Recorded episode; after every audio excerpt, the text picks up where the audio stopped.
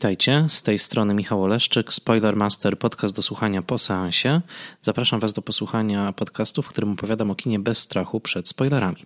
Zapraszam do słuchania, jeżeli widzieliście film, o którym mówię, ewentualnie jeżeli nie boicie się spoilerów.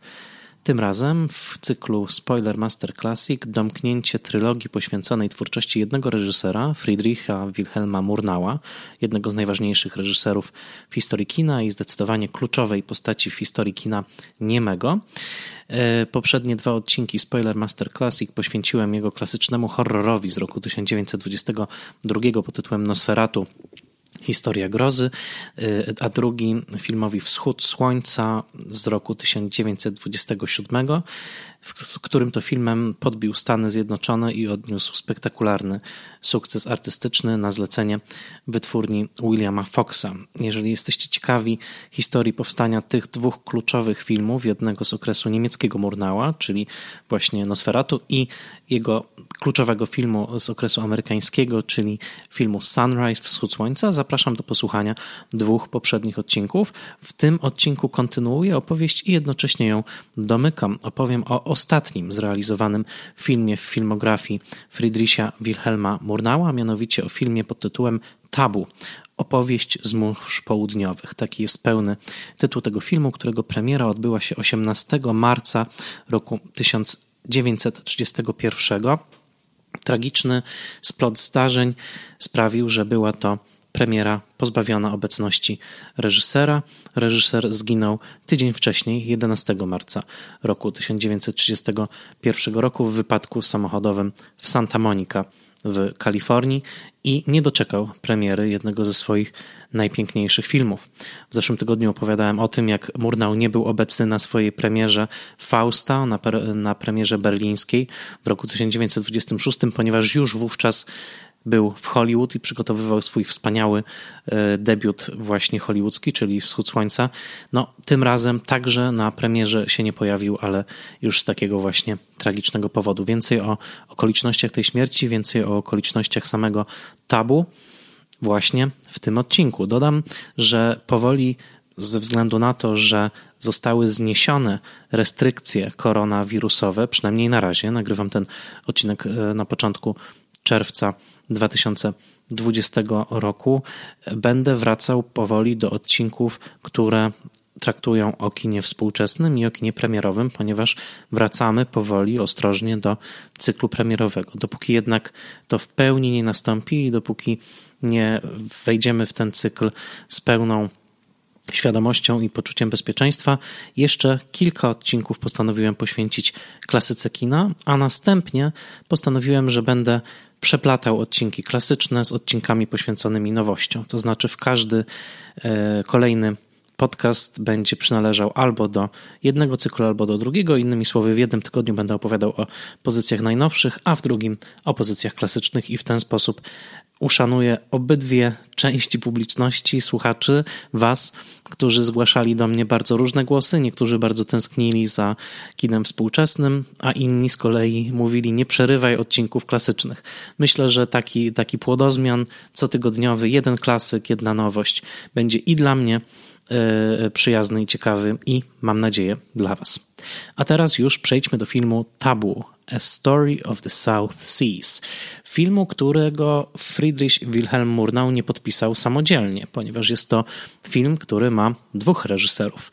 Jeżeli zajrzycie do jego czołówki, E, to zobaczycie, że występuje tam także Robert Flaherty. I od e, krótkiej historii współpracy Murnała z Flahertym chciałbym zacząć tę opowieść, jednocześnie podkreślić i przypomnieć e, źródła, z jakich korzystam w sięganiu po informacje dotyczące Murnała.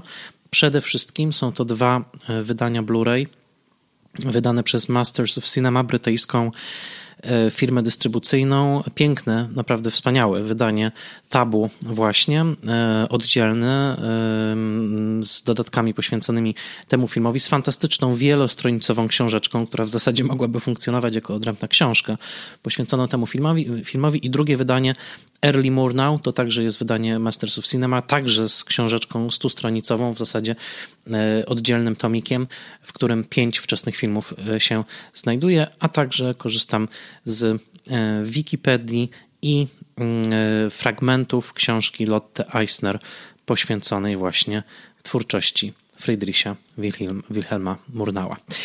A zatem co sprawiło, że Friedrich Wilhelm Murnau, znany ze swojej bardzo silnej ręki reżyserskiej, który zasłynął już uwolnieniem kamery, czy też jak mówiło się wówczas, zerwaniem kamery z łańcucha e, i wprowadzeniem do gramatyki kina ujęć ruchomych, zwłaszcza w filmie portier z hotelu Atlantic z roku 1924 i później spektakularnie dowodzący swoich bardzo rozległych umiejętności reżyserskich. Otóż co sprawiło, że postanowił on zrealizować film z e, Robertem Flahertym. Po co był mu ten drugi reżyser? E, warto pamiętać, że Wschód Słońca jakkolwiek był ogromnym sukcesem artystycznym i w zasadzie od razu trafił na, na listę arcydzieł e, kina, zdobył Oscara za specjalne osiągnięcie artystyczne na pierwszej gali Oscarowej, nie był wcale hitem e, kasowym, wręcz przeciwnie. E, pozycja Murnała była dwoista. Z jednej strony był traktowany jako absolutnie najwybitniejszy żyjący reżyser, co do tego Hollywood nie miało wątpliwości, że przyjechał do nich geniusz. Z drugiej strony, no, producent nie był zadowolony z tego, jak finansowo film sobie mm, radził w box office, więc kolejne dwa filmy będą już powstawały, dwa filmy amerykańskie Murnała będą powstawały w większym napięciu. Film pod tytułem Czworo Diablont y, z roku 1928 zostanie przyjęty mm, dobrze przez krytykę.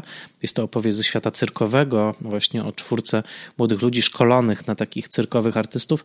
Niestety tego już się nie da zweryfikować, ponieważ jest to film zaginiony. Nie, nie zachowała się żadna jego kopia i w zasadzie na liście takich świętych grali filmów poszukiwanych przez archiwistów tego świata, co do których ma się nadzieję, że kiedyś jakaś puszka gdzieś w jakiejś piwnicy ewentualnie w jakimś archiwum się znajdzie. Czworo Diablon zdecydowanie jest na szczycie tej listy. Jest to najbardziej poszukiwany, zaginiony film.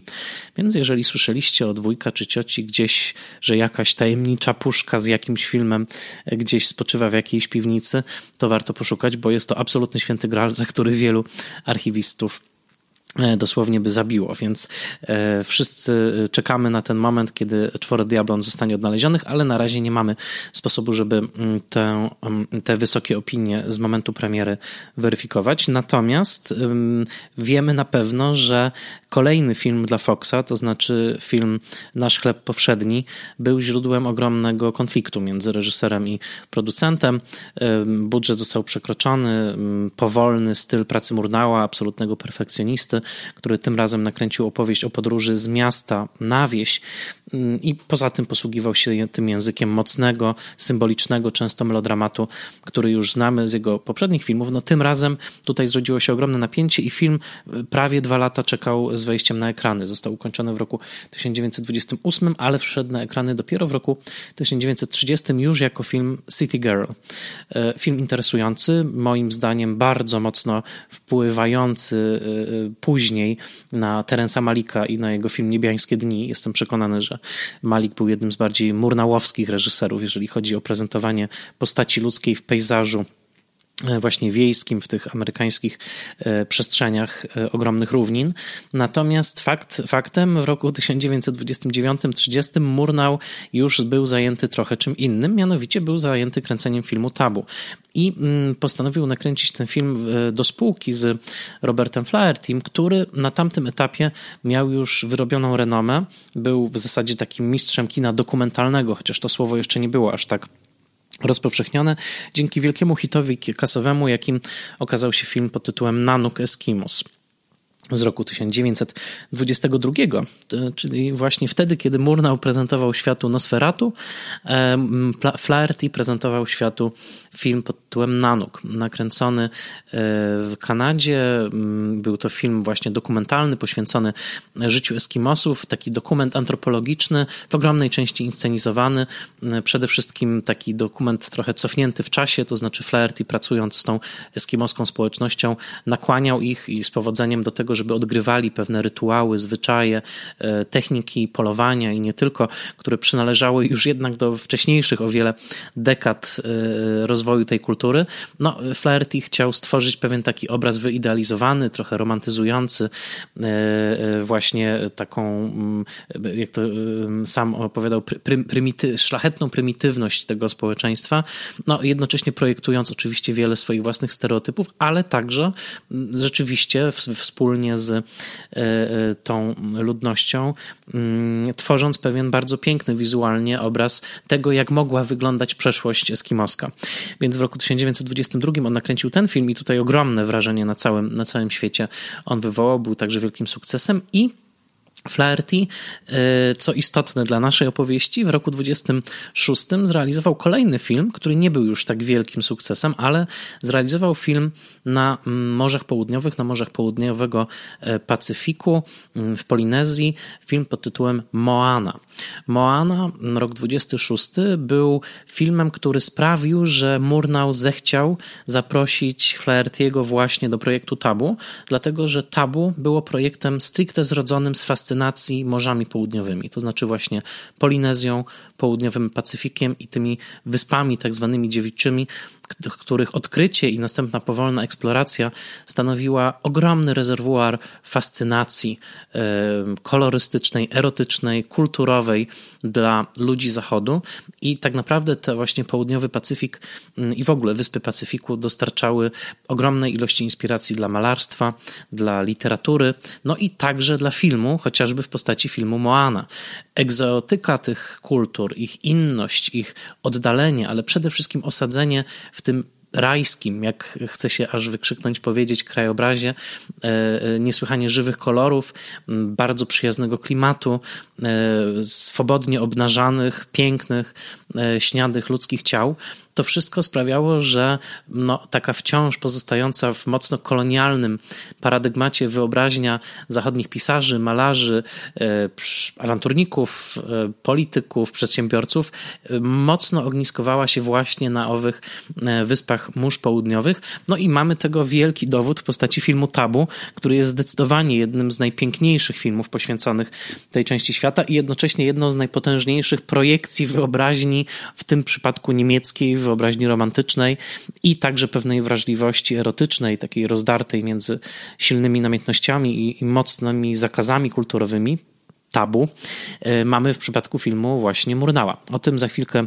powiem. Chciałbym tylko przypomnieć, że południowe morza właśnie e, były pożywką nieprawdopodobną, zwłaszcza właśnie w wieku XIX dla, e, i, i wczesnym XX dla wielu e, dzieł, które przez następne dekady będą wywierały co, potężny wpływ plastyczny, literacki i które dopiero, można powiedzieć, w ostatnich 30 latach zaczną być często kwestionowane ze względów takich postkolonialnych, to znaczy właśnie pewnego pytania o to, na ile narracje narzucane z właśnie tego zachodniego systemu wartości, narzucane na ten w cudzysłowie dziewiczy teren są problematyczne i być może e, należy je poddać takiej podejrzliwej lekturze. Ale lista nazwisk jest imponująca. Przecież o Morzach Południowych pisali w kluczu ekstatycznym, często filozoficznym Joseph Conrad, Robert Louis Stevenson, e, Herman Melville, chyba najsłynniejszy bard tamtych terenów, który jako nowojorczyk e, w drugiej połowie XIX wieku zjeździł te, te obszary świata jako marynarz i opisał e, swoje przygody, łącząc je jednocześnie z fascynacjami mitologią i takimi elementami, można powiedzieć, antropologicznymi w takich książkach jak Taipi, Omu czy innych. No, Melville był jednym z czołowych tutaj piewców mórz południowych, ale to także ogromna fascynacja e, dla malarzy, e, bo przecież i Henry Matisse, zresztą przyjaciel Murnała, ale słynny Paul Gauguin, który właśnie na Tahiti e, zbudował dom, mieszkał tam przez długi czas i zachwycał mm, oko zachodu właśnie tą niebywałą eksplozją koloru, soczystości barw i podkreślmy znowu dosyć swobodnej seksualności, która dla spętanej, rozmaitej tymi chrześcijańskimi przede wszystkim dogmatami i taką purytańską moralnością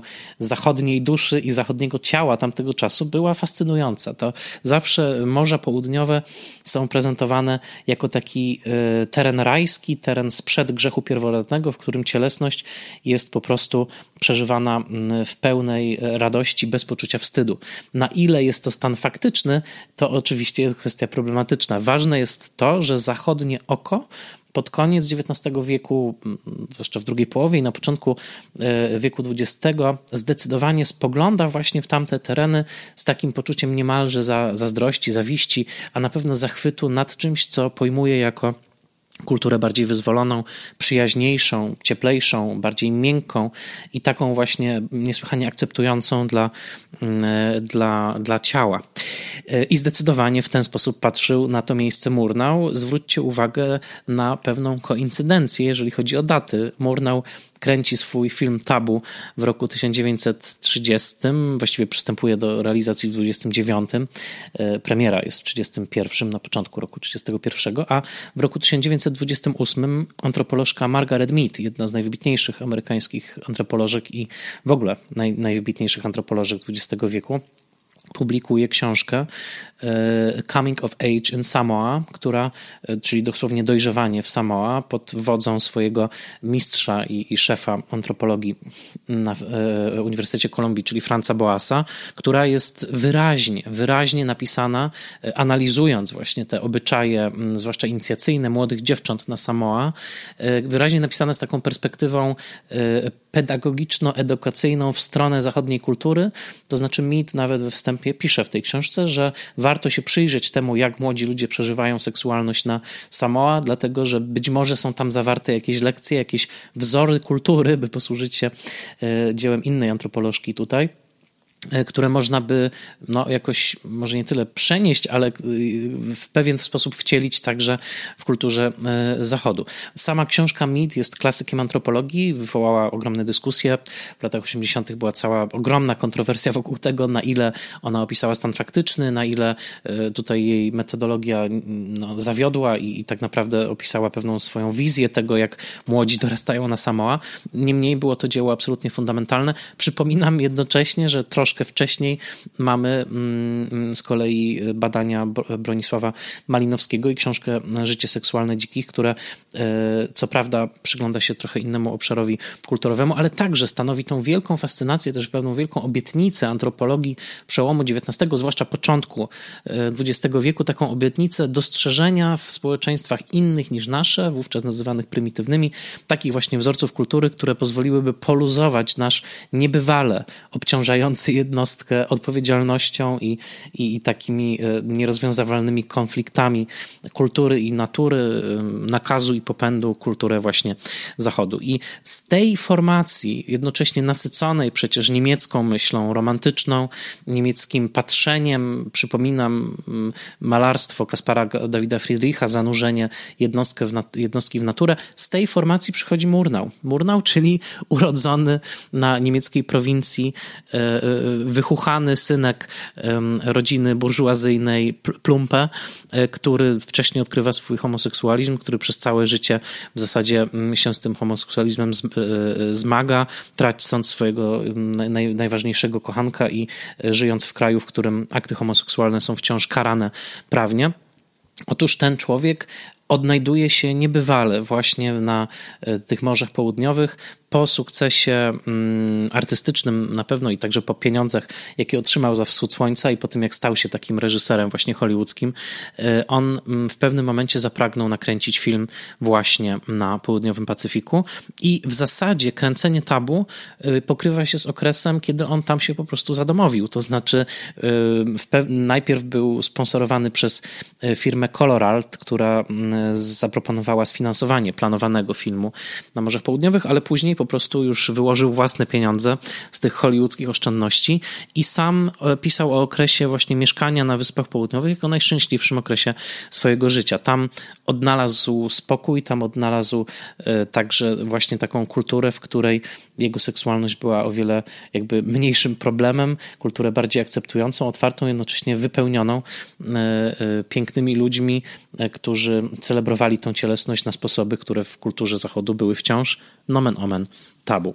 Flaherty, który miał zupełnie inny temperament, był także starszy od Murnała, zgodził się uczestniczyć w całym projekcie właśnie ze względu na swoje referencje filmowego antropologa. No, miał już ze sobą Nanuka, miał już ze sobą Moanę, był uważany za wybitnego filmowca, który właśnie jest w stanie portretować w sposób wiarygodny e, kultury bardzo odległe od, od zachodniej e, i zgodził się, tym bardziej, że propozycja płynąca od Murnała była dla niego niewątpliwym zaszczytem. Zwracał się do niego najbardziej prestiżowy reżyser świata w tym momencie.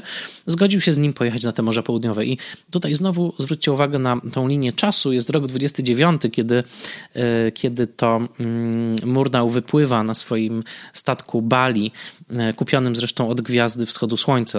E, to, to, to taki, taki mm, niuans tego statku. Wypływa razem z Flahertym. Są wówczas jeszcze dosyć sowicie finansowani przez tą firmę Color Art, ale w międzyczasie następuje kryzys na giełdzie nowojorskiej, zaczyna się wielki kryzys, firma niech za bardzo chce płacić, ma ogromne problemy. I Flaherty i i, i Murnau trochę utknęli na tych morzach południowych, nie wiedząc, czy będą finansowani, czy nie będą finansowani. Koniec końców Murnau rzeczywiście uruchomił własne oszczędności i tabu powstało dzięki jego wkładowi, wkładowi własnemu. Koniec końców film będzie dystrybuowany przez firmę Paramount, po tym jak go zobaczą, zakupią ten film i tutaj Murnau powiedzmy wyjdzie na swoje. Natomiast na czas produkcji był to, było to ogromne ryzyko, bo on po prostu wy, wykładał swoje własne pieniądze. Ale miał niebywale... Mm, precyzyjną wizję tego, co chce tam nakręcić, przy czym okazało się dosyć szybko, że Flaherty i e, Murnau nie dogadują się za dobrze. Flaherty miał Murnała za niebywale spiętego Niemca, jak o tym pisał w swoich listach do żony. E, Flaherty sprowadził zresztą na plan także swojego brata Davida, który był takim pomocnikiem i zachowały się także ślady tych mm, relacji Davida z tego kręcenia. Dla Flaherty'ego było jasne, że Murnau jest niebywale pedantyczny, niebywale kontrolujący. Jednocześnie było też jasne, że chce tworzyć dzieło stuprocentowo fikcyjne, to znaczy oparte na mm, scenariuszu, oparte na pewnej anegdocie rozwijanej, gdzie ten element dokumentalny będzie bardzo zminimalizowany. Tymczasem właśnie ten element dokumentalny interesował e, Flaherty'ego i jednocześnie Flaherty'emu było dosyć trudno zaakceptować fakt, że Murnau jest e, tak bardzo spięty, jak to pisał. Znaczy, Flaherty dostrzegał po prostu pewne takie kulturowe napięcie, które pruskie wychowanie, co sam Flaherty mówił, wdrukowało w tego człowieka, w Murnała, e, który z jednej strony właśnie no, cieszył się e, tą swobodą, jaką zapewniało mu życie w Polinezji tamtego czasu, z drugiej strony cały czas jednak trzymał gar gardę, zbudował sobie nawet własny domek, w którym sypialnia i ta część mieszkalna była całkowicie oddzielona od ekipy. No, bardzo chronił swojej prywatności, nie był kimś takim, kto by bardzo łatwo dopuszczał ludzi do siebie, albo ewentualnie dopuszczał tych ludzi tylko na pewne okresy, przede wszystkim zapraszając artystów, chociażby takich jak Henry Matisse, który, któremu wykonał serię zdjęć Murnau w tamtym czasie. Więc dwóch ludzi o bardzo różnych temperamentach. Anglosaski reżyser i reżyser niemiecki, pragmatyk i romantyk na Morzach Południowych to w zasadzie temat na oddzielny film e, i, i, i na, na jakieś oddzielne wyobrażenie tego, jak ci dwaj ludzie pracowali. Mieli bardzo różne wizje e, i, i tak jak mówię, w sumie okazało się, że materiału nakręconego przez Flaherty'ego jako operatora w filmie Tabu jest niewiele, a w główny wkład Flaherty'ego, do czego on sam zresztą przyznawał się po latach, to jest sama anegdota, historia, zaczerpnięta z historii, którą on słyszał wcześniej. Po prostu Flaherty powiedział, że Murnau nie miał żadnego poczucia struktury opowieści. Flaherty tego poczucia dostarczył. Dostarczył też anegdoty, historii, samej fabuły, to znaczy fabuły, w której młoda dziewczyna mm, i młody chłopiec na wyspie Bora Bora. E, e, no, ich wielka miłość zostaje podeptana w momencie, kiedy dziewczyna zostaje uznana za świętą dziewicę przez e, przywódcę społeczności, który wybiera ją sobie właściwie na taką boginkę, nałożnicę i która od momentu tego, tego wybrania staje się tabu dla wszystkich innych mężczyzn, nie można na nią patrzeć, nie można jej kochać i ten jej młody kochanek sprzeciwia się tej zasadzie, łamie tabu, gwałci to tabu i oni wspólnie uciekają wynikają z tej społeczności, ale ów właśnie mm, e, strażnik e, prastarych zwyczajów, prastarych rytuałów, czyli e, hitu, podąża za nimi, jest jak taki policjant, taki upiorny żandarm, który podąża za nimi w gładko sunącej po wodzie łodzi i wszędzie ich dosięgnie, nawet w takiej na małej wysepce, gdzie oni przez pewien moment znajdują azyl, żyją szczęśliwie jako poławiacze pereł. Nawet tam hitu ich znajdzie. Ci kochankowie nazywają się Matahi i Reri e, i tak nazywają się także w filmie e, i tak nazywają się aktorzy. E, Matahi był młodym chłopcem, którego mm, Murnau poznał w trakcie poszukiwania mm, aktora do tej roli. Tam było kilku rozważanych, ale nie ma żadnych wątpliwości z zapisków Murnała, że Murnau był absolutnie zakochany w nim. Nie, nie, wiemy, czy tam doszło do mm, czegokolwiek fizycznego między nimi, ale pod pewnymi względami jest to najbardziej homoerotyczny film nakręcony za amerykańskie, powiedzmy hollywoodzkie pieniądze w latach 20. czy 30.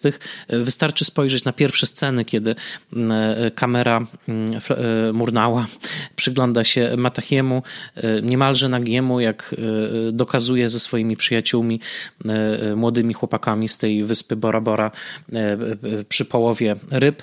Są to ujęcia, które mogą pod względem takiej homoerotycznej siły konkurować tylko i wyłącznie z ujęciami ujęciami e, pływaków i sportowców w filmie Leni Riefenstahl Olimpiada. E, nie ma żadnej wątpliwości i tak zresztą pisał o tym aktorze w swoich zapiskach Murnau, że dla niego był on wcieleniem olimpijskiego piękna. Murnau w swoich zapiskach o swoich aktorach często bywa e, dla naszej wrażliwości już nieprzyjemnie kolonialny, pisze o wrodzonej naiwności tubylców, pisze o tubylcach jako o dzieciach i tak dalej. To wszystko mm, mm, po latach jest problematyczne. Niemniej jest pewne, że traktował swoich aktorów w sposób podmiotowy, pracował z nimi bardzo blisko i te efekty, które uzyskuje na ekranie, są rezultatem zawierzenia inteligencji e, aktorom, a przede wszystkim aktorce, bo jednak e, tutaj cała fabuła kręci się e, mniej wokół wokół Matachiego, a bardziej wokół Reri, tej aktorki, której prawdziwe nazwisko to Anna Chevalier, urodzona w 1912 na Bora Bora, czyli de facto na terytorium Francji, zresztą do dzisiaj jest to terytorium Francji. E, ona, Anna Chevalier, tutaj występująca jako Reri, e, była też bardzo uważnie przez Murnała reżyserowana i w zasadzie w tej dwójgu ludzi, którzy przez większość filmu występują na ekranie no niemalże nago albo półnago, e, a tworzą niebywałą, niebywałą chemię pomiędzy, pomiędzy sobą. Zaczynają od takiej zupełnej właśnie niewinności, właściwie dwoje dzieci ba bawiących się w wodospadzie, e, pluskających się w wodzie, a kończą jako prawdziwi tragiczni kochankowie. I to mm, sposób tego poprowadzenia, bez taniego melodramatyzmu, bez takich najbardziej oczywistych wyborów, jakie w melodramacie e, kazałyby reżyserowi mm, reżys właśnie prowadzić aktorów w taki sposób, żeby podkręcać jakieś historyczne reakcje, rozłąki, bólu, tęsknoty. Tutaj jest to zrobione niesłychanie subtelnie i wydaje mi się, że jako melodramat Tabu to jest jeden wciąż z najmocniejszych filmów y, tego gatunku w ogóle nakręconych, ponieważ tragizm opowieści wynika tutaj z bardzo poważnie i bardzo dosłownie potraktowanego tabu kulturowego, które było znane także Murnałowi jako homoseksualnemu mężczyźnie w Niemczech lat dwudziestych i, i absolutnie można czytać ten film i czytać całą twórczość Murnała jako taką historię miłości niemożliwych, historię namiętności, które nie mogą się wypowiedzieć, które mają pewien element transgresyjny. Sam doświadczał takich e, e, namiętności i, i właściwie e, kiedy już im się oddawał, zwłaszcza w swoim najdłużej trwającym e, związku, e, to doświadczał niejako no, kary czy czegoś tragicznego właśnie w postaci śmierci jego najważniejszego kochanka, ale przede wszystkim kogoś, kto e, zawsze spoglądał na dramat namiętności jako naznaczony fatalizmem. To jest bardzo głęboko niemiecki rys, oczywiście wpisany w historię Fausta, czyli historię, którą przeniósł na ekran w roku 1926, ale przecież jak przyjrzycie się filmom Murnała, to to jest wszędzie. Niemożliwa do spełnienia namiętność, niemożliwa do spełnienia namiętność wampira dla kobiety w filmie Nosferatu. Niemożliwa do spełnienia namiętność głównego bohatera o imieniu Wawrzyniec w filmie Phantom z roku 22 opartego na książce Gerharta Hauptmana, który zakochuje się w młodej dziewczynie. W powieści Hauptmana to jest trzynastolatka, co jest w ogóle szokujące e, z dzisiejszej, z dzisiejszej perspektywy. Natomiast e, zakochujący się w tej młodej dziewczynie, po czym e, z powodów klasowych nie mogący się do niej zbliżyć, a zatem wynajdujący znajdujący sobie drugą dziewczynę, która jest trochę podobna do tej pierwszej. To mamy zawrót głowy w zasadzie Hitchcocka. To jest dokładnie ta, ta ta opowieść. Więc e, w filmach Murnała jest mnóstwo niemożliwych do zrealizowania intensywnych namiętności. E, przypominam namiętność męża do kobiety z miasta w filmie Wschód Słońca, która niemalże doprowadza go do popełnienia morderstwa.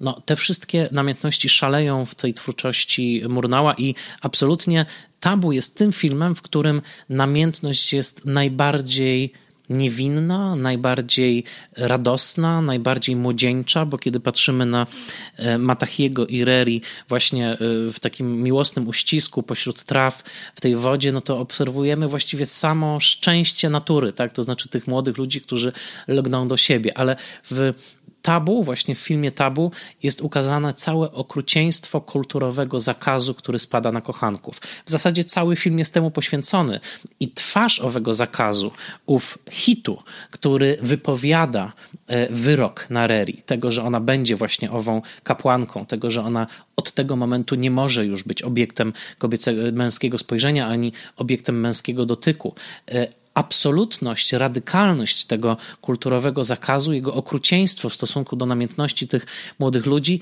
jest czymś, co Murnau doskonale rozumiał i tak naprawdę czymś, co prześladowało go przez całe życie. I ten film jest najpotężniejszym, tragicznym poematem na cześć takiego tabu, którego nie można przełamać, ponieważ ono koniec końców wygrywa. Te dwoje kochanków jest rozdzielonych przez śmierć, ale które trzeba przełamywać właśnie w imię e, wierności temu uczuciu, dlatego że Reri i Matachi mają całą naszą sympatię w momencie, kiedy uciekają ze swojej społeczności po to, żeby wbrew śmiertelnemu tabu właśnie być ze sobą i dzielić ze sobą szczęście. Także mamy przed sobą film, zwróćcie uwagę, jak bardzo skomplikowane i splątane są te e, rozmaite nitki, jakie e, weszły w stworzenie tego filmu, bo z jednej strony mamy właśnie y, y, chłopaka z niemieckiej prowincji, czyli Murnała, z drugiej strony mamy dosyć chłodnego anglosasa, dla którego te kwestie seksualności i, i fatalizmu uczuć nie były tak ważne. Flaherty chciał po prostu re, realizować, rejestrować ciekawe dla niego zachowania e, tubylców. Mamy lokalnych aktorów, którzy e, musieli tutaj wcielić się w pewną fantazję reżysera właśnie o Morzach Południowych, bo przecież nie była to dokumentalna rejestracja tego, jak ich życie wyglądało. Anna Chevalier pochodziła z bardzo właściwie inteligenckiej rodzinie. Jej matka była nauczycielką, więc ona była znakomicie wykształcona e, i, i nie była tą właśnie dziewczyną e, w e, sukience strawy. To wszystko jest kreacja Murnała. A jednocześnie mamy na to, na to nałożony pewien gatunek hollywoodzki, czyli właśnie melodramat i to nakręcony w dosyć modnej lokacji. No bo tak, z jednej strony ta cała literatura właśnie Konrada Stevensona, Melvilla, ale przecież także i filmy, które dosyć szybko wychwyciły atrakcyjność tych lokacji, chociażby właśnie Moana Flaherty'ego, ale przecież także film pod tytułem Białe cienie na Morzach Południowych. To jest film e, W.S. Van Dyka, e, który zresztą stanowił częściową inspirację dla Murnała, żeby zająć się w ogóle tym tematem. W.S. Van Dyke to swoją drogą jeden z najciekawszych reżyserów starego Hollywood, może kiedyś uda zrobić mi się o nim od, e, odcinek. Fantastyczny reżyser o słynnym pseudonimie One Take Woody. Był znany z tego, że wystarczało mu jedno ujęcie, bez dubli. Po prostu idziemy dalej, kręcimy. One, One Take Woody Van Dyke. To na inny raz. W każdym razie Murnau tutaj reżyserując Reri pewnie nawet nie zdawał sobie sprawy, że sława uzyskana dzięki tabu sprawi także, że jej życie zupełnie się zmieni. Być może wiecie, jeśli nie, to ja dopowiem, że Reri e, nie tylko wyjechała z e, Bora Bora, e, ale przede wszystkim no, dotarła do Polski, bo jej kariera poprowadziła przez Nowy Jork, gdzie występowała po filmie Tabu, który bardzo dobrze się przyjął i zdobył Oscara za zdjęcia dla Floyda Crosbiego. Występowała w rewi muzycznej Ziegfelda na Broadwayu, ale w końcu występowała także w Warszawie. Zakochał się w niej Eugeniusz Bodo. Co prawda nie byli małżeństwem, ale byli w relacji i Reri wystąpiła w polskim filmie Michała Waszyńskiego pod tytułem Czarna Perła, e, właśnie w którym śpiewa słynną i z punktu widzenia dzisiejszej wrażliwości absolutnie niemożliwą do przyjęcia piosenkę pod tytułem Dla ciebie chciałabym być biała. E, więc e, e, to, to, to jest ten polski rozdział życiorysu Reri. Ona występowała zresztą nie tylko w Warszawie, ale w kilku polskich miastach, bo odwiedziła Kraków, Zakopane, Krynice, Ciechocinek. No i właśnie ta wielka miłość z Bodo to jest interesujący rozdział. W roku 1937 już była z powrotem w Hollywood, wystąpiła jeszcze w filmie pod tytułem Huragan w reżyserii Johna Forda. Interesująca postać, no możecie ją także zobaczyć w polskim filmie Czarna Perła. Swoją drogą Czarna Perła to przecież także perła wyławiana przez mm, Matachiego w filmie Tabu, więc y, polska recepcja filmu Tabu sprawiła, że y, także nastąpił niemalże remake tego y, filmu w Polsce. To z cyklu właśnie tych pięknych splątań kultury środkowoeuropejskiej. W zeszłym tygodniu pokazywałem wam w jakim sposób pisarz, który kształcił się w szkole realnej w Elblągu, był odpowiedzialny za inspirację dla hollywoodzkiego filmu Wschód Słońca, więc gdzieś pomiędzy Elblągiem, Hollywood, Bora Bora, a Zakopanem te wszystkie wpływy niebywale silnej formacji kulturowej, jaką Mittel Europa była i jaką wypromieniowała, także z powodów politycznych, historycznych, często strasznych, e, w stronę Hollywoodu, to także jest historia tabu, bo wyobraźcie sobie tego właśnie plumpę, tego niemieckiego chłopaka, który najpierw e, odkrywał sztukę i możliwości filmowe w Berlinie i zobaczcie, przecież nie minęło nawet 10 lat od Nosferatu.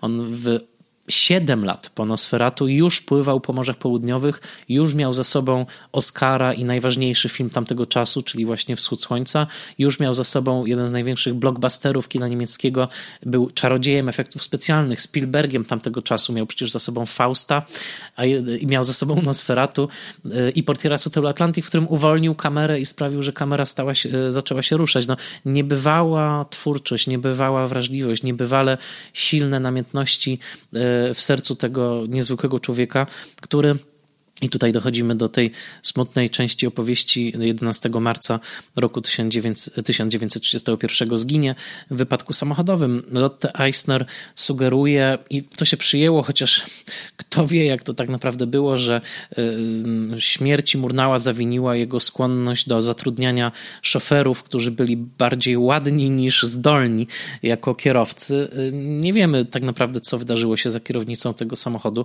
y, który zresztą uwielbiał uwielbiał Murnau, bo miał tylko dwa siedzenia właśnie dla niego i dla e, szofera, co bardzo denerwowało Flaherty'ego. On zabierał ten samochód ze sobą, e, miał go także ze sobą na na Bora Bora i Flaherty'ego bardzo irytowała ta samolubność Murnała, dlatego, że zabrał samochód, który tylko może być, w którym tylko może być on i jego szofer. W każdym razie, no tak, tak się stało, że, że ten wypadek nastąpił. Murnał jest pochowany nieopodal Berlina. W pewnym miejscu znalazłem informację, ale nie jest ona sprawdzona, że ktoś próbował wykraść jego głowę z grobu, ale nigdzie mi się tego nie udało e, potwierdzić, więc nie, nie puszczajcie tego dalej. E, to jest ewentualnie do jakiegoś dalszego mm, badania. W każdym razie główna istotna rzecz jest taka, że jego śmierć często jest czytana w kontekście ostatniego filmu, to znaczy właśnie w kontekście filmu Tabu. E, Murnau w trakcie kręcenia był wielokrotnie ostrzegany przez lokalną społeczność, żeby nie budował swojego domu na tym terenie, który wybrał. E, ten teren był podobno właśnie naznaczony klątwą i e, ostrzegali go tubylcy, że ten, który tam zbuduje dom, zginie. No i tak się stało, że tydzień przed premierą tego filmu Murnau zginął rzeczywiście. Innymi słowy, pożywka dla wiary właśnie w to, że to właśnie tabu go dosięgnęło, jest, jest dosyć, dosyć, dosyć spora.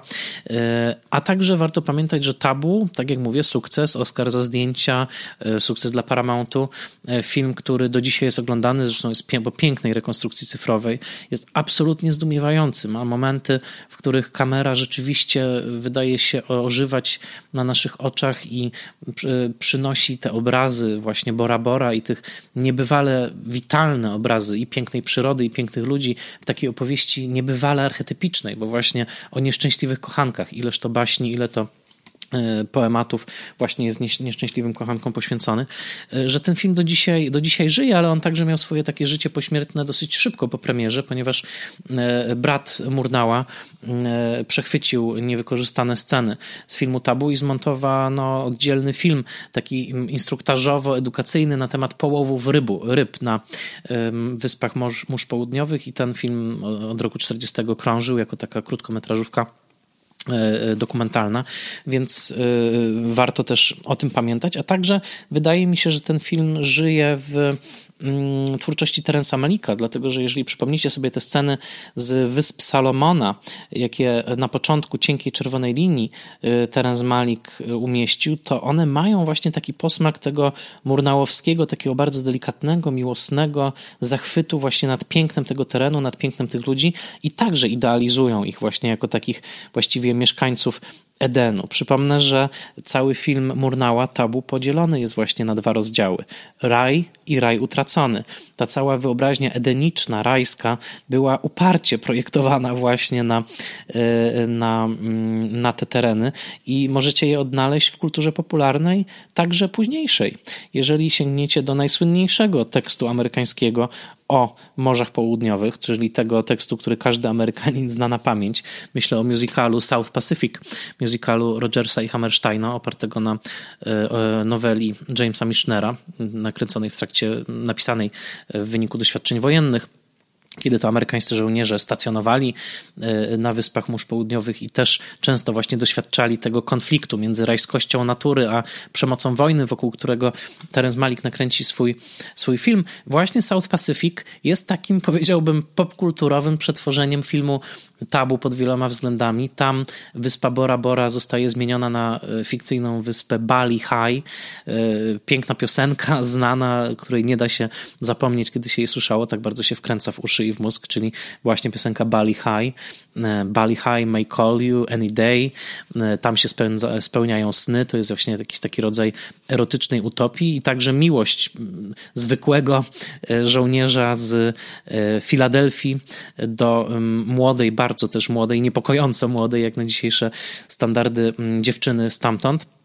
To wszystko jest także South Pacific, czyli e, jeżeli chcielibyście sobie zrobić taką filmową wyprawę po południowym Pacyfiku, to warto zacząć u Murnała, zakończyć w roku 58 filmem South Pacific, a także e, filmem e, Cinerama South Seas Adventure, dlatego że Cinerama, która była takim właściwie pierwowzorem IMAXa, najszerszym ekranem świata, także zrealizowała w roku 1958 zdumiewający technicznie dokument o Morzach Południowych, który pokazywał tą turystyczną stronę stronę mórz południowych. Wtedy, kiedy już powojenna Ameryka była zamożna, kiedy każdy właśnie dobrze zarabiający Amerykanin z klasy średniej mógł sobie pozwolić na taki rejs na Morze Południowe, nagle okazało się, że te tereny nie są aż tak dziewicze, że są przede wszystkim pewnym tworzonym na użytek zachodniego konsumenta, turysty e, wizerunkiem, ułudą, e, taką potiomkinowską wioską. To wszystko widać właśnie w takim prospekcie reklamowym w zasadzie, jakim jest film Cinerama South Seas Adventure. My znamy przede wszystkim te tereny właśnie z fikcji, która była tworzona wokół nich przez ludzi, którzy byli zafascynowani postaciami odkrywców, Magellana czy kapitana Cooka. E, takie filmy jak Bunt na Bounty, w zasadzie jego trzy wcielenia z lat 30., 60. i 80., to wszystko są dla nas takie filmy, takie opowieści, w których w centrum stoi biała postać, a gdzieś w tle są te przemykające, zmysłowe, e, ubrane w e, sukienki strawy i kwieciste wieńce postaci lokalne. E, oczywiście to mm, zaczyna się zmieniać i powinno się, e, powinno się zmieniać. Te, natomiast trzeba powiedzieć, że w przypadku Murnała i filmu Tabu, opowieść z z mórz południowych, mimo że zdecydowanie mówimy tutaj o pewnej projekcji fantazji e, moralnej, erotycznej, gatunkowej, melodramatycznej, poetyckiej Murnała na te tereny, jest to jednak film, który traktuje je z należytym szacunkiem i poczuciem pewnej tajemnicy. Film zaczyna się od takiego napisu, że w filmie występują tylko i wyłącznie e, właśnie członkowie lokalnej społeczności i jakkolwiek możemy dzisiaj besztać Murnała za to, że e, niedostatecznie przewidział rozwój myśli dwudziestowiecznej i w 30 roku nie miał jeszcze wrażliwości ludzi z roku 2020, rozważcie proszę taki fakt. Po latach, kiedy Floyd Crosby, nagrodzony Oscarem za zdjęcia do tego filmu, wrócił na Tahiti, E, okazało się, że film Tabu jest tam wyświetlany regularnie. Okazało się, że film Tabu jest tam ukochany i przede wszystkim jest ukochany przez członków rodzin tych ludzi, którzy w nim wystąpili. Freud Crosby sam opisał pokaz, w trakcie którego wziął udział już wiele lat po zakończeniu tego filmu, wiele lat po śmierci Murnała, w którym ludzie płakali właśnie na Tahiti, oglądając film, wznosząc palce i mówiąc: O, tam jest mój dziadek, tam jest moja babcia. Gdyby nie Murnał, ci ludzie po prostu na ekranie dla całego świata, dla oczu ówczesnych widzów, ale przecież także dla naszych XXI-wiecznych oczu po prostu by nie zaistnieli. Chyba nie dziwi nas zatem, że, co przytacza Lotte Eisner w swojej książce, mm, ludzie, którzy wystąpili w tym filmie, jedna osoba z nich, która pozostaje, co prawda, bezimienna, skomponowała wiersz dla Murnała. Wiersz dla Murnała, który był pożegnaniem reżysera, który postanowił swoją wizję erotycznego raju, zerwanego przez silny nakaz kulturowy, właśnie osadzić na Bora Bora. Ostatnie słowa tego hymnu w przekładzie angielskim brzmią I beg you, Mr. Murnau, let me come back to you, not in your room, only there where you are, so that I can return there where you are. Abym mógł wrócić tam, gdzie ty jesteś, abyśmy się mogli ponownie spotkać. Taki wiersz dla Murnała napisał jeden z członków ekipy filmu Tabu. Filmu unikalnego, filmu eksperymentu antropologicznego, filmu, który jest jednocześnie pięknym, erotycznym wierszem, wzruszającym melodramatem, fantastycznym popisem pracy kamery, wyobraźni i odwagi reżysera, który gdzieś tam z niemieckiego miasteczka i z tych. Yy, słowackich terenów, gdzie jeszcze 7 lat wcześniej kręcił Nosferatu, dotarł aż na Morze Południowe, żeby zrealizować swoją porywającą plastyką, ale przede wszystkim poruszającą ludzkim sercem i zrozumieniem ludzkiej natury, ludzkiej miłości filmem Tabu. Mam nadzieję, że obejrzycie film, a jeżeli już go widzieliście, to że ta opowieść sprawiła, że będzie on dla Was jeszcze ciekawszy. I tym samym kończę opowieść o reżyserze, którego życiorys zahacza i o Morze Południowe, i o Hollywood, i o Wrocław, i o Słowację, i o Elbląg, i o jeszcze parę innych miejsc. Bardzo Wam dziękuję za słuchanie. Mam nadzieję, że ta trzytygodniowa podróż z Murnałem była dla Was ciekawa. To jest jeden z najważniejszych twórców kina, a zdecydowanie najważniejszy twórca tego kina wczesnego, kiedy kamera się uwalniała i tworzyliśmy, e, tworzyli twórcy e, nowy język kinematografii. I zapraszam Was już teraz na kolejne odcinki Spoiler Mastera. Jeżeli ktoś z Was chciałby otrzymać naklejkę podcastu, proszę piszcie na mój adres michal.oleszczyk.gmail.com Pozdrawiam wszystkie kina, które są przyjaciółmi Spoiler Mastera. Zapraszam Was do zalajkowania mojego fanpage'a na Facebooku i tradycyjna prośba, przekażcie informacje o podcaście jednej osobie, która jeszcze go nie zna. Powstaje on non-profit z czystej pasji i chęci dzielenia się wiedzą filmową i kontaktu z wami, kinomanami, dla których film jest najważniejszy. Także przekażcie informacje dalej, słuchajcie, zapraszam was za tydzień na kolejny odcinek Spoiler Mastera.